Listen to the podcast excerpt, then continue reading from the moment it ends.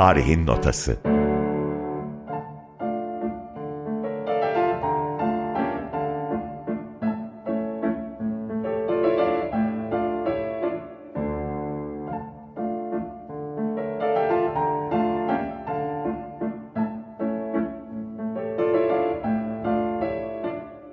Müzikli bir tarih rotası.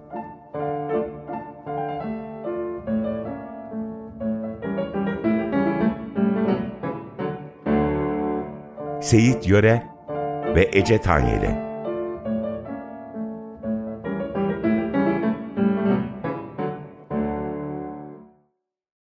Tarihin Notası 6. programından tüm dinleyicilerimize selamlar. Ben Ece Tanyeli. Ben Seyit Yöre.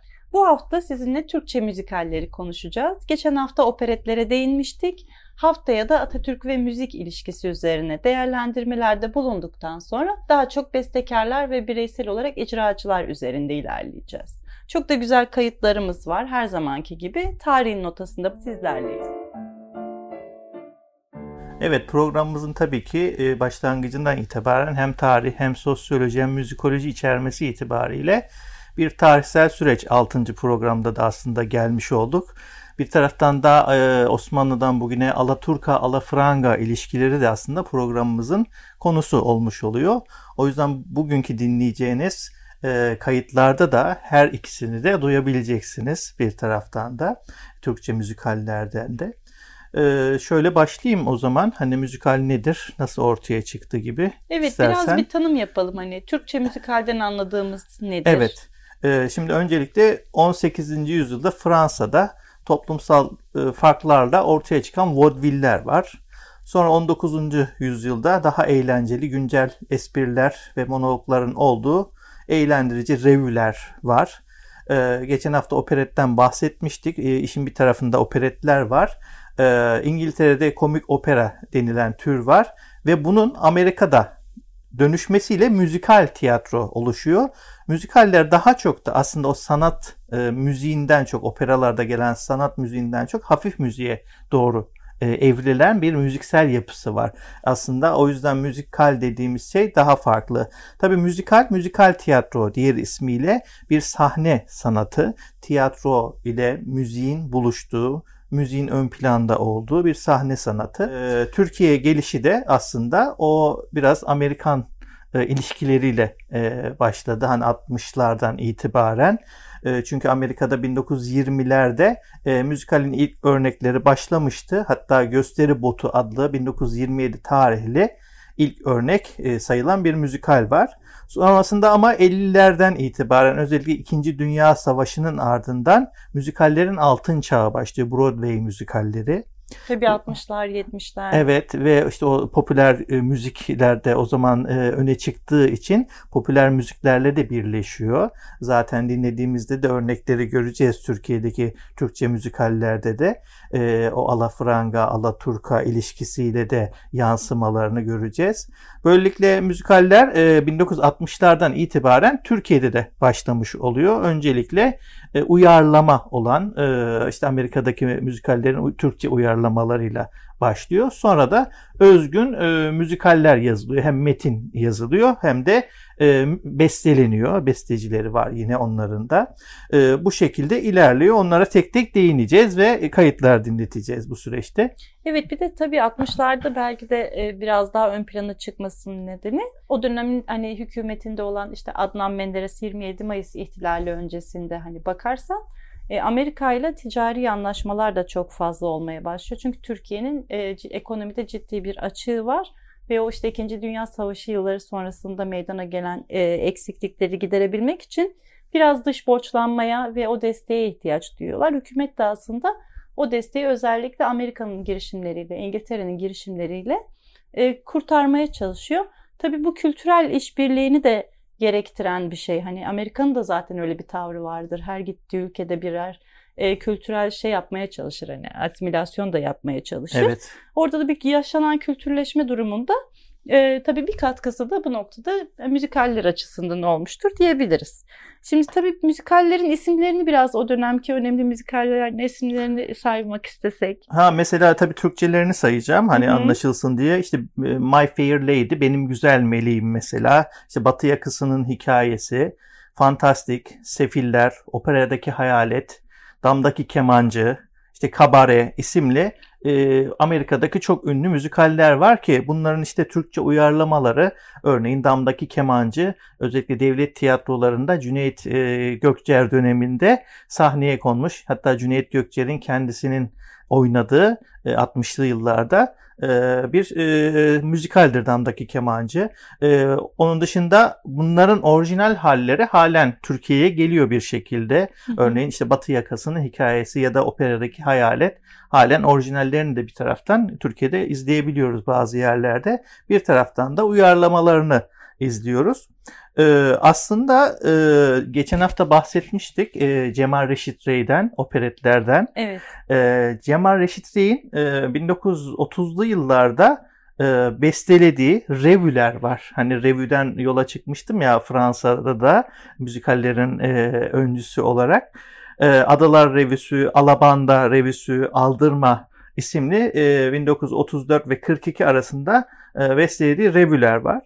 E, bunlar aslında Türkiye'deki müzikallerin ilk adımı diyelim. Hani 60'lı yıllarda tam olarak müzikal adıyla başlıyor ama e, revülerle de aslında o altyapı Türkiye'de oluşmuş oluyor. Daha hafif müziklerle birlikte. Bunlardan ilginç olanı var. Mesela Alabanda revüsü. E, Saadettin Kaynak'la Cemal Reşit Rey bir aradalar. Evet çok ilginç bir hikayesi evet, var. Evet Cemal Reşit Rey çünkü Alabanda revüsünü bestelediğinde Safiye Ayla'nın içinde olmasını istiyor. Şarkıları söylemesini istiyor. Ki düşündüğümüz zaman Safiye Ayla'yı çok kafamızda öyle oturtamadığımız e, tabii, değil mi? bir noktada. Evet. Ee, Safiye Ayla da diyor ki e, Saadettin Kaynak'tan da şarkılar olsun diyor. Cemal Reşit Rey de ilginçtir. Kabul ediyor bunu.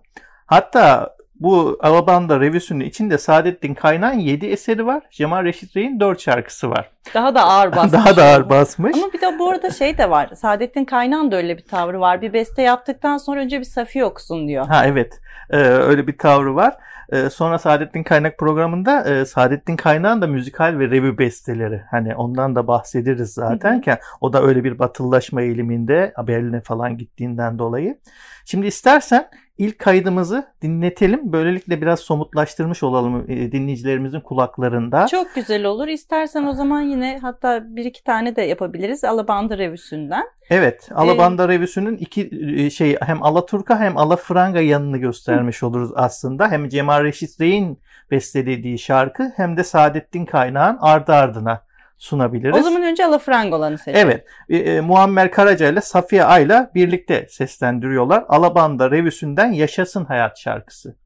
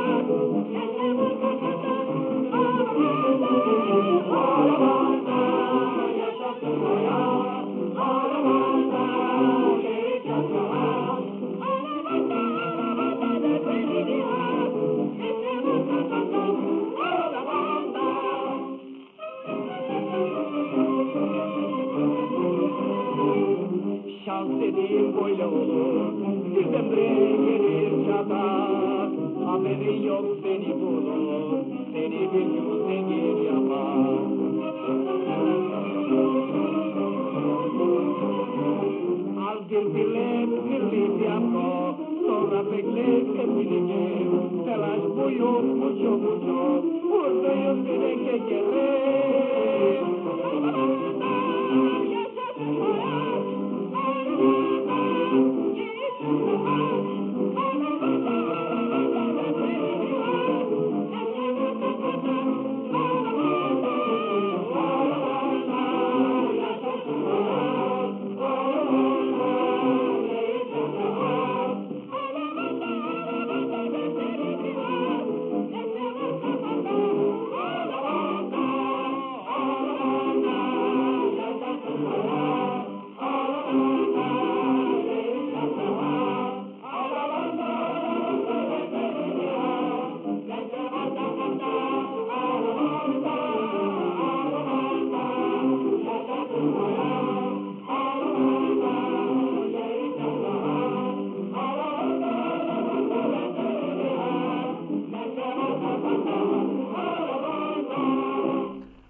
Şimdi aynı Alabanda revüsünden bu sefer Alaturka stilinde Saadettin Kaynağ'ın bestelediği Mersin Bağları Yalı isimli halk müziği tarzındaki eseri dinliyoruz ve Safiye Aylan'ın sesinden dinliyoruz.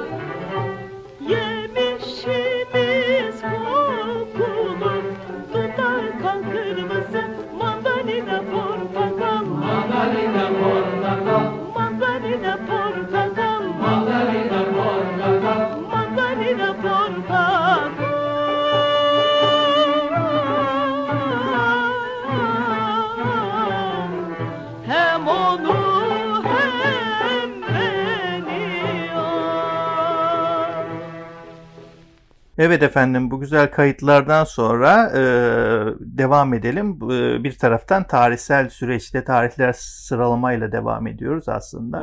E, 1930 ve 40'lardaki operetlerden farklı olarak Türkiye'deki dramatik bütünlüğe sahip ilk müzikaller Dormen Tiyatrosu'nda sahneleniyor. Sokak Kızı Irma 1961'de ve Pasifik şarkısı 1962'de ilk öncü uyarlama olarak e, Türkçe sözlü hafif batı müziğindeki Türkiye'deki karşılığı olarak aslında müzikallerle ortaya çıkıyor. Bu dönemde Cüneyt Gökçeri de müzikallere e, ilgi duyuyor ve devlet tiyatrosunda o da işte Öp Beni Kate yani Kiss Me Kate 1964'te, e, Benim Güzel Meleğim 1967, Damdaki Kemancı 1969 Ankara Devlet Tiyatrosu'nda görkemli olarak uyarlanıp sahneleniyor ve bunlar çok ilgi görüyor e, seyircilerden de. Ama tam yerli müzikal dersek metni ve müziği ile birlikte bu Keşanlı Ali Destanı'dır. E, Haldun Taner'in yazdığı ve müziğini değerli hocamız Yalçın Turan'ın e, yaptığı müzikal oyundur. Bu da ilk kez 1964'te Güllür Sururi Engin Cezar Tiyatrosu tarafından Beyoğlu'nda Muammer Karaca sahnesinde oynanıyor. Şimdi onunla ilgili bir hatıramız. Evet, e, tabii o zaman ikinci sezona başlarken Muammer Karaca orada e, sahnesini vermek için şey şart koşuyor. Hani Keşanlı Ali e, oynamayı Evet. şart koşuyor ama kabul etmiyorlar. Orada da mesela e, Elhamra Tiyatrosu'nu restore ediyorlar. Orada artık oynamaya başlıyorlar filan. Ve tabii çok da ilgi çeken bir müzikale dönüşüyor. 70'lere kadar 500'e yakın gösterimi Hı var. hı. Bu tabii çok ciddi bir şey. Yani temel taşlarından biri diyebiliriz Evet. hani Türkçe müzikalde. Sonradan dizi e, uyarlaması da oldu. Evet aynen. Genco Erkal da mesela hani üzerine bir şeyler yapmıştı. E, tabii konusu itibariyle baktığımızda bu kadar tutulmasının nedeni daha önceki haftalarda da konuştuk. Halkın kendine yakın bir şeyler bulabilmesi, gerek konusundan gerek eğlencesel açıdan baktığında da Demokrat Parti dönemindeki yaşanan süreçleri aktarıyor. Aslında çok sade bir dil kullanarak aktarıyor. Hani biraz da e, mizah e, yönünün ön planda olması o bahsettiğimiz eğlenceyi karşılıyor falan. Şimdi orada Sinekli Dağ yani orada geçen yer büyük bir kentin eteklerinde gece kondularda hatta e, taşra, varoş, dezavantajlı grup olarak hani dillendirilen yerde insanların yaşadığı bir hani topluluk var. Keşanlı Ali de Çamur İhsan'ı öldürmekten hapse düşüyor. Ve oradan hani hep bu bizim hikayelerde süre geldiği gibi hapisten kahramanlaşarak e, çıkan bir altyapısı var. Hem suçsuz hem de işte e, aşık olduğu kızın e, Çamur İhsan'ın yeğeni olması, ona işte düşmanca davranması, işte bir muhtar seçilmesi, oradaki seçim düzeninde yeni bir düzenin oluşması, işte kalbiyle mantığı arasında gidip gelmesi, bu çatışmaların yaşanması. Hani e, insan olarak başka sorumluluklar, işte sevgili olarak başka sorumluluklar. Yani bir toplumun genel olarak içinde bulabileceği her türlü şeyi barındıran ve yalın bir dille aktaran destan temalı. Tabii e, hani güçlü, ezen ve ezilen e, kısmını da vurguladığı için oldukça seviliyor. Hani hazır bunu biraz değinmişken istersen çok da güzel bir kayıt dinletelim dinleyicilerimize. Ee, yine Keşanlı Ali Destanı, Morgol Gömlek, koro olarak dinleyebiliriz. Evet topluluk söylüyor. Evet dinliyoruz efendim. Morgul gömlek giyerdi,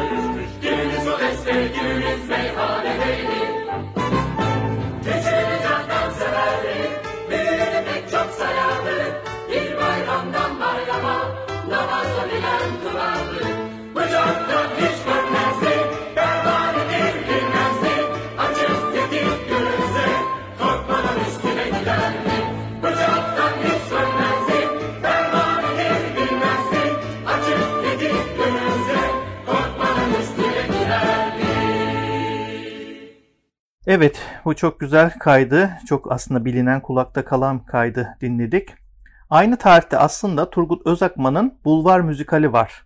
Haldun Dorman tiyatrosunda 1964'te o da sahneleniyor ama bu müzikal çok bilinmiyor günümüzde de. Bülent Arel müziğini yapmıştır ki Türkiye'nin e, öncü elektronik müzik bestecisidir. Dünyada da tanınan Amerika'ya yerleşmiştir. Ondan da vurgulamış olalım, kendisini anmış olalım. Müziklerini de o yapıyor.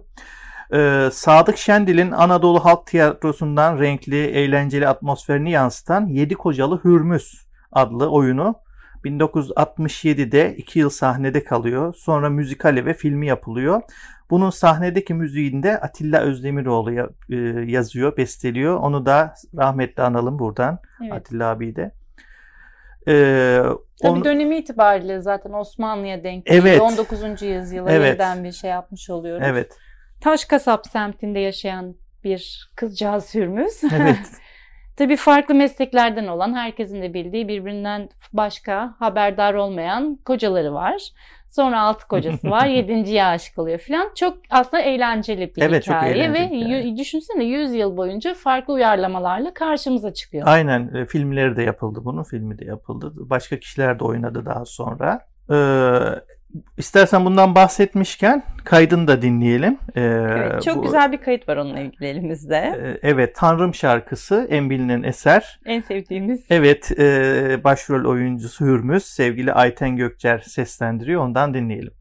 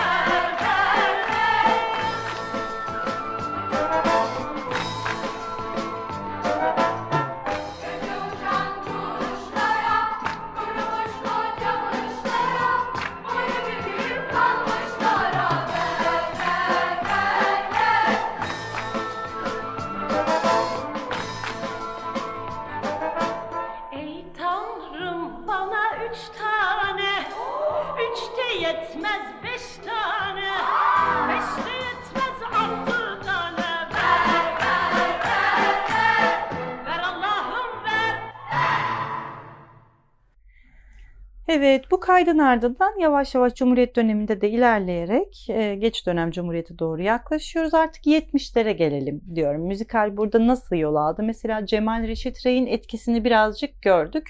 E, hatta Alaturka, Alafranga e, noktasındaki ayrımını da şu anda dinleyicilerimizde hissettirdik, algılattık. Ama mesela Batı kısmına biraz daha yöneldiğinde 70'lere geldiğinde durum neydi? Yaptığı çalışmalar nasıl ilerlemişti? Bakış açısı nasıldı Seyit?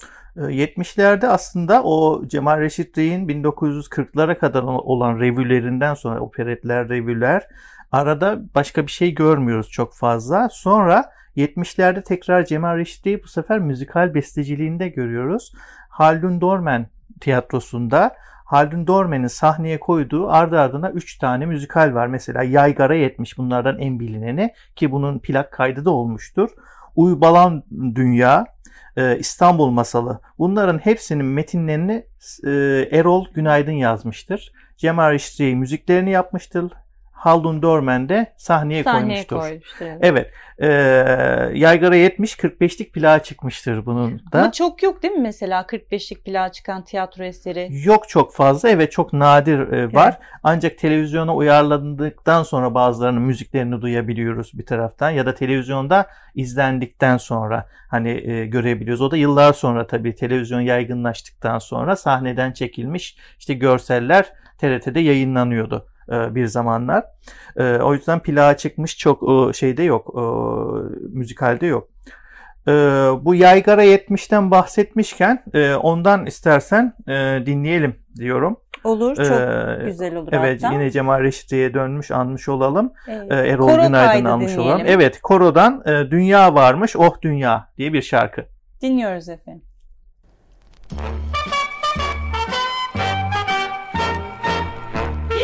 Sürpriz işte buna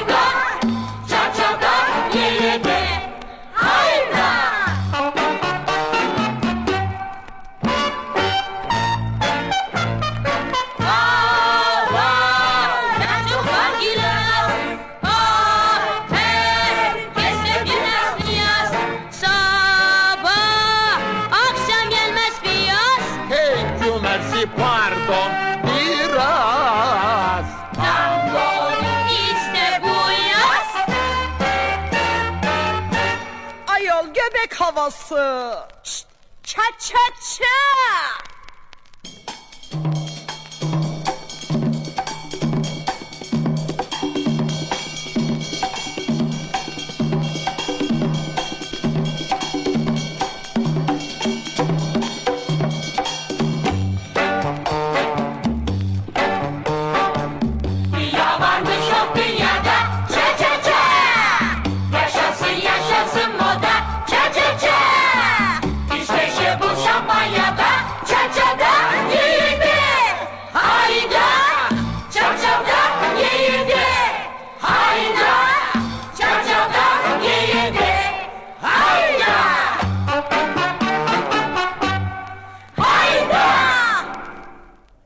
Evet, Yedi Kocalı Hürmüz de dedik. Sonrasında da Yaygara e, 70'e değindik. Şimdi tabii artık 80'lere doğru ilerleyince biraz daha sayı ve bilinirlik açısından, performans fiyat açısından gibi oldu.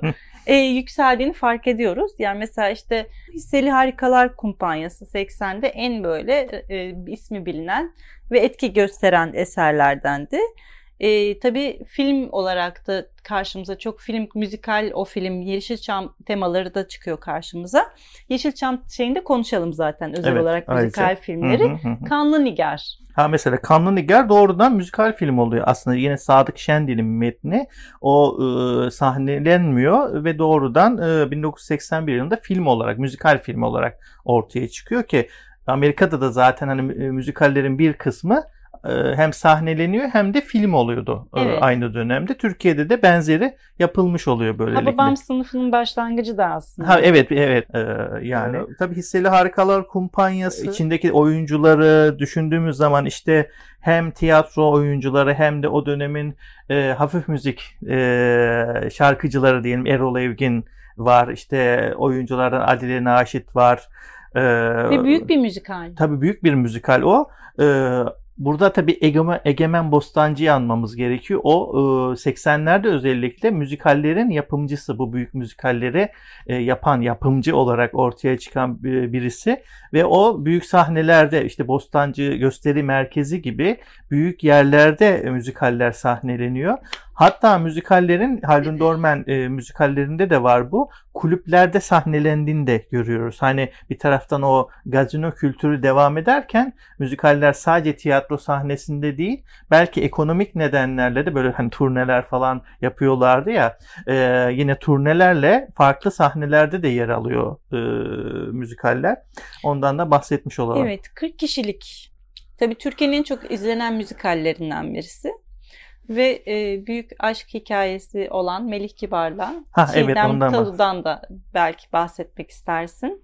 Evet, e, tabii Melih Kibar'dan bahsetmiş olalım. Çiğdem Talü sözleri yazıyor. Melih Kibar besteliyor aslında Hisseli Harikalar Kumpanyası'nı ve müzik düzenlemeleri de Esin Engin. e, Esin Engin yapıyor. en sevdiğimiz Evet. bestekarlardan. o da o dönemlerde çok müzikal ve müzikal film e, müzikleri yapan e, bir kişiydi. Evet en çok belki Çalı Kuşu'ndan sebep biliniyor. Hı hı. Benim de çok Evet. sevdiğim e, Reşat Nuri Güntekin'in eseri. Daha sonradan TRT'de de yayınlanan 80'lerdeki diziyle birlikte. Tabii Esin Engin enteresan bir isim yani. Hem Batı müziği eğitimi var. Hem armoni kompozisyon dersleri alan hem de Türk müziğine oldukça hakim Evet. olan şan bölümünü bitirmiş filan.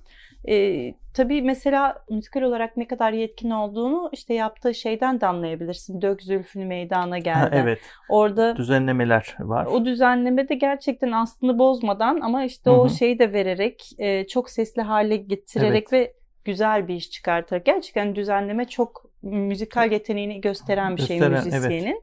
E, tabii bu 80'de de Hisseli Harikalar e, kumpanyasında da müzik yönetmenliğini yapıyor. Evet. Seninle hep konuştuğumuz şey. Yine az evvel bahsettiğimiz Kanlı Nigar'da da aslında Evet, o, Esin o Engin evet Esin imzası var. var. Hani aile şerifi, gazeteciden dost, hani İstanbul'un gözleri mahmur bir sürü önemli işte hani Esin Evet, Engin hem imzası sahne var. sahne müziklerinde hem de film müziklerinde e, imzası var kendisinin. Evet ve o kadar müzikle hemhal ki yani mesela işte 90'ların ortasında e, kan kanserinden hayatını kaybetti. Bir sürü film müziğini de hasta yatağında yapan bir müzik insanıydı. Çok değerli bir isimdi. Burada Hisseli Harikalar Kumpanyası'nda da e, şeyi vardı yani büyük bir etkisi, Etkisi vardı. vardı. Evet. Tabii burada şey Çiğdem Talu'yla Melih Kibar e, meselesine de ufacık değinirsek e, Melih Kibar belgeselinde anlatıyor. Diyor ki işte e, ben hep besteleri yapardım. Çiğdem böyle prozodi falan her şey çok uyumlu olarak üzerine sözü o kadar güzel oturturdu. Hani bildiğimiz zaten şarkılar, o güzel aşk şarkıları, e, hafif pop şarkıları çok iyi eserler var. Fakat e, Çiğdem Talı gidiyor bir gün diyor ki müzikal yapalım. Çok güzel işler var ama işte biz sözleri hazırlayacağız. Sen besteleyeceksin. Kabul etmiyor. Diyor ki ben böyle yapmak istemiyorum. Ben alıştığım düzeni değiştirmek istemiyorum. Tabii biraz herhalde şey hani müzikal açıdan şey düşünmek istiyor. Daha özgür düşünerek. Evet sözlere bağlı kalmak istemiyor. Bazı besteciler öyledir. E, Melih Kibar da evet önce müziği yapmak istiyor sonra üzerine söz yazılsın gibi düşünüyor. E, o arada e, ikisi öyle bir çekişme yaşıyorlar. Evet ama tabii Çiğdem Talı'nın istediği oluyor. Çok da güzel işler çıkıyor evet orada. böylelikle. Şimdi tabii orada mesela şeyde de e, Haldun Dormen'in yazıp yönettiği Sel Harikalar kumpanyasında da Çiğdem Talu ile Melih Kibar şarkılarla şey yapıyorlar orada imza atıyorlar yani. Evet. Haldun Dormen'in yazıp yönettiği e, Çiğdem Talu ile Melih Kibar'ın imza attığı yine e, Hisseli Harikalar kumpanyasının o 80'lerin başındaki müzikalinde de e, Kartal Kaan yapıyordu orada müzikalin açılışını. Tabii en böyle şey yıllar yani altın çağ döneminde yani orta 80'lerin az evvel bahsettiğimiz gibi. Yine Kartal Kaan işte şeyde de vardı Engin Günaydın'ın e, olduğu yine aynı şekilde Yedi Kocalı Hürmüz'de de e, yer almıştı. Oradaki e, Hisseli Harikalar kumpanyasında yer almasını hani sağlayan şeyi anlatırken e, çok ilginç meselelere değiniyor. Diyor ki e, sesim iyiydi. Galiba biraz da ondan beni hani seçtiler öncelikle. Sonra işte rol kabiliyetim vardı. Hani t- şeyde göstermiyor yani ha- hakkını teslim ederek ilerliyor falan. Sonra çünkü e, hani orada müzikal, dans, işte ışıklar, oyun, ses hepsinin iç içe geçmesi ve her şeyin iyi olmasıyla ancak bir müzikalin iyi olmasını Tabii. sağlayabilirsin. Hani bir oyuncu ya da işte iyi bir ses sadece Yetmiyor. yetmiyor. İyi dans etmesi de gerekiyor e, Evet. onun. Hepsini orada- o hani şeye koyman lazım. Bunları anlatıyor. Koreografiyi de düzgün yapacaksın filan. İşte diyor ki Haldun Dorman beni Yedi Kocalı Hürmüz'de gördü. Orada işte beğenmiş. Sonra işte gel sen mutlaka burada ol demiş Hisseli Harikalar kumpanyasında. Onun ardında da zaten işte şey şan tiyatrosundan Taksim Meydanı'na geçişe kadar çok büyük böyle sıralar olurdu diye özel olarak da böyle şeylerin tarihçesine değiniyor. Onun çok güzel böyle bir anlatımı vardı. Dinleyiciler de oradan hani biraz araştırıp bakabilirler. Çok tatlı bir e, hisseli harikalar kumpanyası üzerine bir anlatı vardı. Evet. O zaman şimdi bunu biraz değinmişken güzel de bir kayıt dinleyelim. Ne dersin? Evet çok iyi olur. O e, şa- e, giriş şarkısının dışında başka bir kayıt var. E, onu seçtik. E, onu dinleyelim sevgili Nevra Serezli'nin sesinden. Ama mükemmel Evet, çok söylüyor. güzel Kayıt da söylüyor. çok temiz. Evet, evet. Kahpe Felek isimli bir şarkı. Dinliyoruz efendim. Ne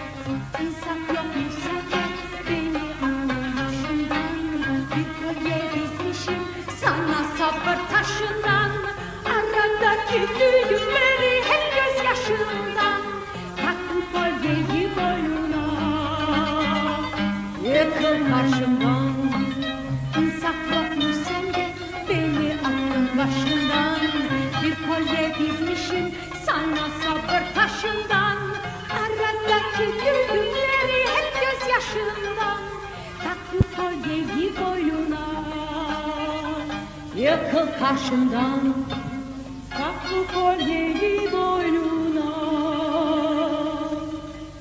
Yıkıl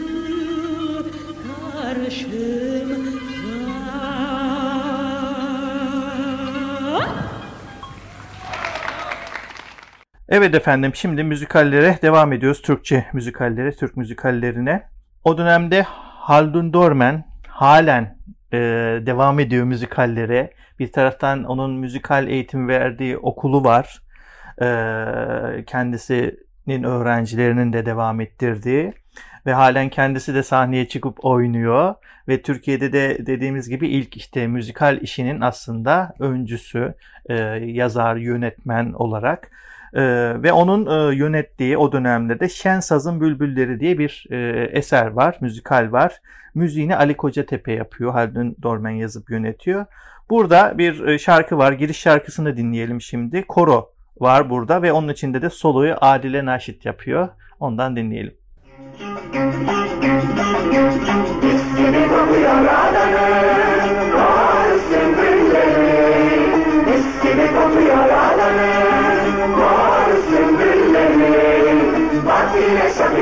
Nasıl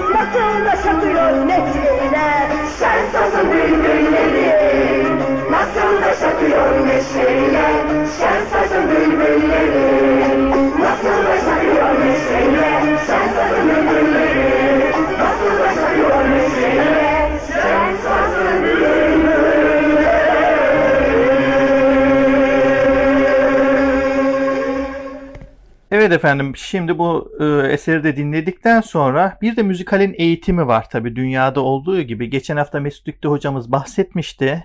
Bu hafta da Türkiye'deki eğitiminden bahsedelim. Müzikalin okullarda, konservatuarlarda eğitimleri var. Bununla ilgili şimdi bir e, konuğumuz, röportajımız var. İstanbul Üniversitesi Devlet Konservatuarı Müdürü Profesör Şebnem Ünal bize bunu anlatacak.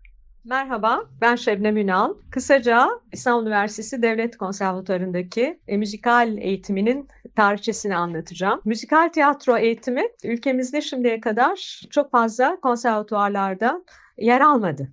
E, ama ilk defa yer alması 90'lı yıllarda, 1990'lardan sonra e, Mimar Sinan Güzel Sanatlar Üniversitesi şu anda İstanbul Devlet Konservatuarı oldu adı. E, orada yine Profesör Güzün Gürel hocamızın e, girişimleriyle başladı. E, ama bir süre sonra YÖK çeşitli gerekçelerle e, iptal etti programı. Müzikal türü her zaman çok sevilen bir tür. E, gerek devlet operalarında zaman zaman işte gençlik oyunları adı altında, bazen çocuk oyunları adı altında, bazen de yine meşhur müzikallerden, e, bilinen müzikallerden e, sahneye konanlar oldu. Veya tabii özel girişimler oldu. 90'larda bu e, çok yaygındı. West Side Story'yi hatırlıyor, hatırlıyorum. Birçok eser sahneye kondu. İlk defa belki de Türk seyircisiyle buluştu. Derken e, İstanbul Üniversitesi Devlet Konservatuarı e, benim de tam başladığım yıldır. O sene içinde e, Azra Gün ve Aydın Gün İstanbul Üniversitesi Devlet Konservatuarı'na geçtiler. Ve de Aydın Gün'ün şöyle bir projesi vardı. E, bu müzikal tiyatro deneyimi Mimar Sinan'da ne yazık ki tutmadı. İşte YÖK bölümü kapattı. E, İstanbul Üniversitesi'nde böyle bir program başlatalım. Ve yine 1999 yılında ilk defa Eylül ayında tam zamanlı olarak İstanbul Üniversitesi Devlet Konservatuarı'na müzikal öğrencileri alındı. Bir müfredat hazırlandı. Tabii ki içinde şan eğitimi, e, oyunculuk eğitimi, tabii ki müzik eğitimi aynı opera öğrencilerinin aldığı kadar müzik, solfej, armoni, yardımcı piyano ve tabii ki farklı olarak da dans eğitimi dans eğitmenleri bulundu. Aynı anda sertifika programlarına da eklendi. E, sonra tabii lisans bölümü e, öğrencileri opera öğrencisi olarak mezun olmak zorunda kaldılar. Yine YÖK'ten bir itiraz geldi çünkü. Ama tabii eğitimlerini tamamladılar. Diplomalarında operada yazsa o ilk mezunlarımız bugün e, müzikal dünyasında, bazıları tiyatro dünyasında yerlerini aldılar. E, gerek devlet tiyatrosundaki, kurumlardaki oyunlarda, gerekse özel girişimlerin e, oyunlarında yer aldılar, almaya devam ediyorlar. Ama 1999'dan 2019'a kadar kesintisiz olarak e, okulumuzda sertifika programları devam etti. E, tabii bu arada çok önemli isimler gelip geçti. E, başta Haldun Dorman hocamız, e, sonra İzmir'den gelerek e, aramıza katılan 2016 yılında da vefat eden Profesör e, Müfit Bayraşa hocamız, e, Güzin Gürel hocamız hala kurumumuzda. E, İstanbul Operası'nın değerli solistleri Çağnur Gürsan, Bergüzar Çelebi hocalarımız. E, müzikal alanında da öğrenci yetiştirdiler. Sertifika programı da olsa çok ciddi bir müfredatımız vardı bizim. Müfredatımızda mutlaka şan dersi, korepetisyon dersi, oyunculuk dersi hatta bir ara ansambl dersi vardı ve dans dersi. Yine çok değerli dans hocaları geçti. Evren Pravdalı gibi. Kahraman hocamız vardı Azerbaycan kökenli. Step dansları öğretti çocuklarımıza. 20 yıl boyunca bu sertifika programlarını sürdürdük ve e, bu elemanlarda e, yarı zamanlı olmalarına rağmen yine devlet tiyatrolarında, özel kurumlarda, çeşitli prodüksiyonlarda yer aldılar, almaya devam ediyorlar. Bazıları yurt dışında eğitmen veya şarkıcı, oyuncu olarak kariyerlerini sürdürüyorlar. Ama hobi olarak gelenler de kendi mesleklerinin yanında belki de iyi birer müzik dinleyicisi, e, müzikal izleyicisi oldular. Derken 2019 yılında bir hayali gerçekleştirdik ve İstanbul Üniversitesi Devlet Konservatuarı'nda e, opera ana sanat dalına bağlı olarak müzikal tiyatro programını açtık. E, ilk defa öğrenci kabul ettik 2019'da. Bugün bu öğrencilerimiz 3. sınıftalar. Aralıksız e, öğrenci kabul etmeye devam ediyoruz. İlk defa 2023 yılında müzikal tiyatro programından ilk mezunlarımızı vereceğiz. Bunun için çok mutluyuz, gururluyuz. Teşekkürler. Tarihin Notası Evet, Şebnem hocamıza değerli katkıları için Tarihin Notası programı yürütücüleri olarak teşekkür ediyoruz. Tabii müzikal eğitimi gerçekten çok önemli bu noktada. Hani ta, kültürün de gelişimine katkı sağlayabilmek için. Ee, Bahçeşehir Üniversitesi bu noktada Evet. önemli bir adım attı biliyorsun konservatuvarın da kurulmasıyla. E, Bahçeşehir Üniversitesi Konservatuvarı Pera Sahne Koordinatörü Buket Orhan Çelik. İkimizin de yakından tanıdığı Evet. ve çok sevdiği bir dostumuz. E, tam anlamıyla e, gerçek bir e, sanatsever Evet. ve e, işini çok titiz yapan bir Zaten bir oyuncu aynı zamanda. bir oyuncu, bir akademisyen. E, Buket'in Pera sahne ile ilgili şimdi çok değerli çalışmaları var. Üniversite olarak da yarı zamanlı yanlış. Şu anda yarı zamanlı müzikal eğitimi var. Belki ileride tam zamanlıya geçer onlarda. Başlangıç itibariyle birçok eğitimleri var zaten. Hani hem yarı zamanlı hem tam zamanlı. Evet dinleyicilerimize buradan duyurmuş olalım. Çünkü sahne açılışı yakın zamanda Evet. gerçekleşecek. Gerçekleştikten sonra ben biliyorum çok güzel müzikal hazırlıkları var. Aynı zamanda da icralar olacak. E, korolar, topluluklar, oyunlar. E, buradan da ilan etmiş olalım. Başarılarının da devamını dilip Evet. sevgilerimizi gönderelim. Evet. Evet efendim şimdi artık programımızın sonuna geldik. Kapanışta da sizlere e, en güncel müzikallerden bir tanesini dinletmiş olalım, bahsetmiş olalım. E, yıllar içerisinde tabii müzikaller devam etti. İşte 1995'te Azizname ve halen oynuyor. Yücel Erten hocamızın yazıp yönettiği şimdi İzmir'de sahneleniyor. Turgay Erdener'in özgün müzikleriyle.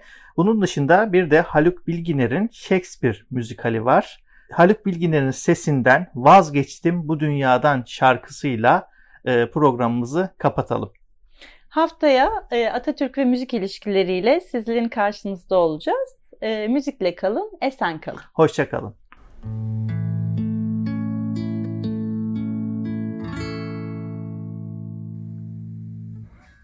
Vazgeçtim bu dünyadan tek ölüm baklar beni Değmez bu yangın yeri. Avuç açmaya değmez. Değil ki çiğnenmiş inanç en seçkini? Değil ki yoksullar mutluluktan habersiz? Değil ki ayaklar altında insan onuru Vazgeçtim bu dünyadan tek ölüm baklar beni. O kız olan kız erdem Dağlara kaldırılmış. Ezilmiş, hor görülmüş El emeği, göz nuru Ödlekler geçmiş başa Derken mertlik bozulmuş. Değmez bu yangın yeri Avuç açmaya değmez. Değil mi ki korkudan Dili bağlı sanatın Mi ki çılgınlık sahip çıkmış düzene Değil mi ki kötüler? Kadı olmuş Yemen'e. Doğruya doğru derken eğriye çıkmış adı. Vazgeçtim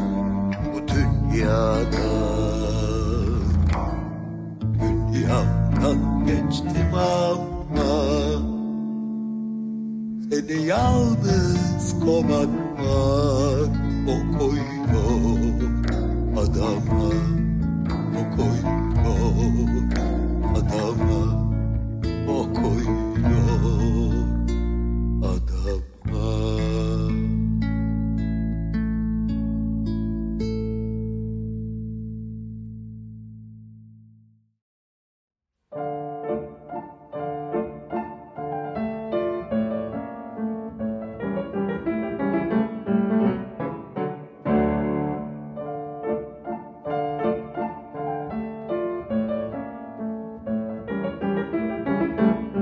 Tarihin Notası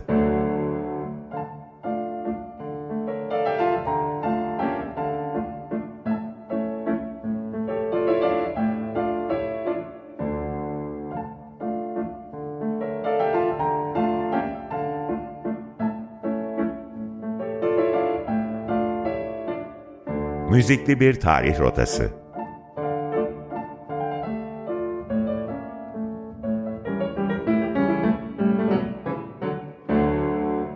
Seyit Yöre ve Ece Tanyeli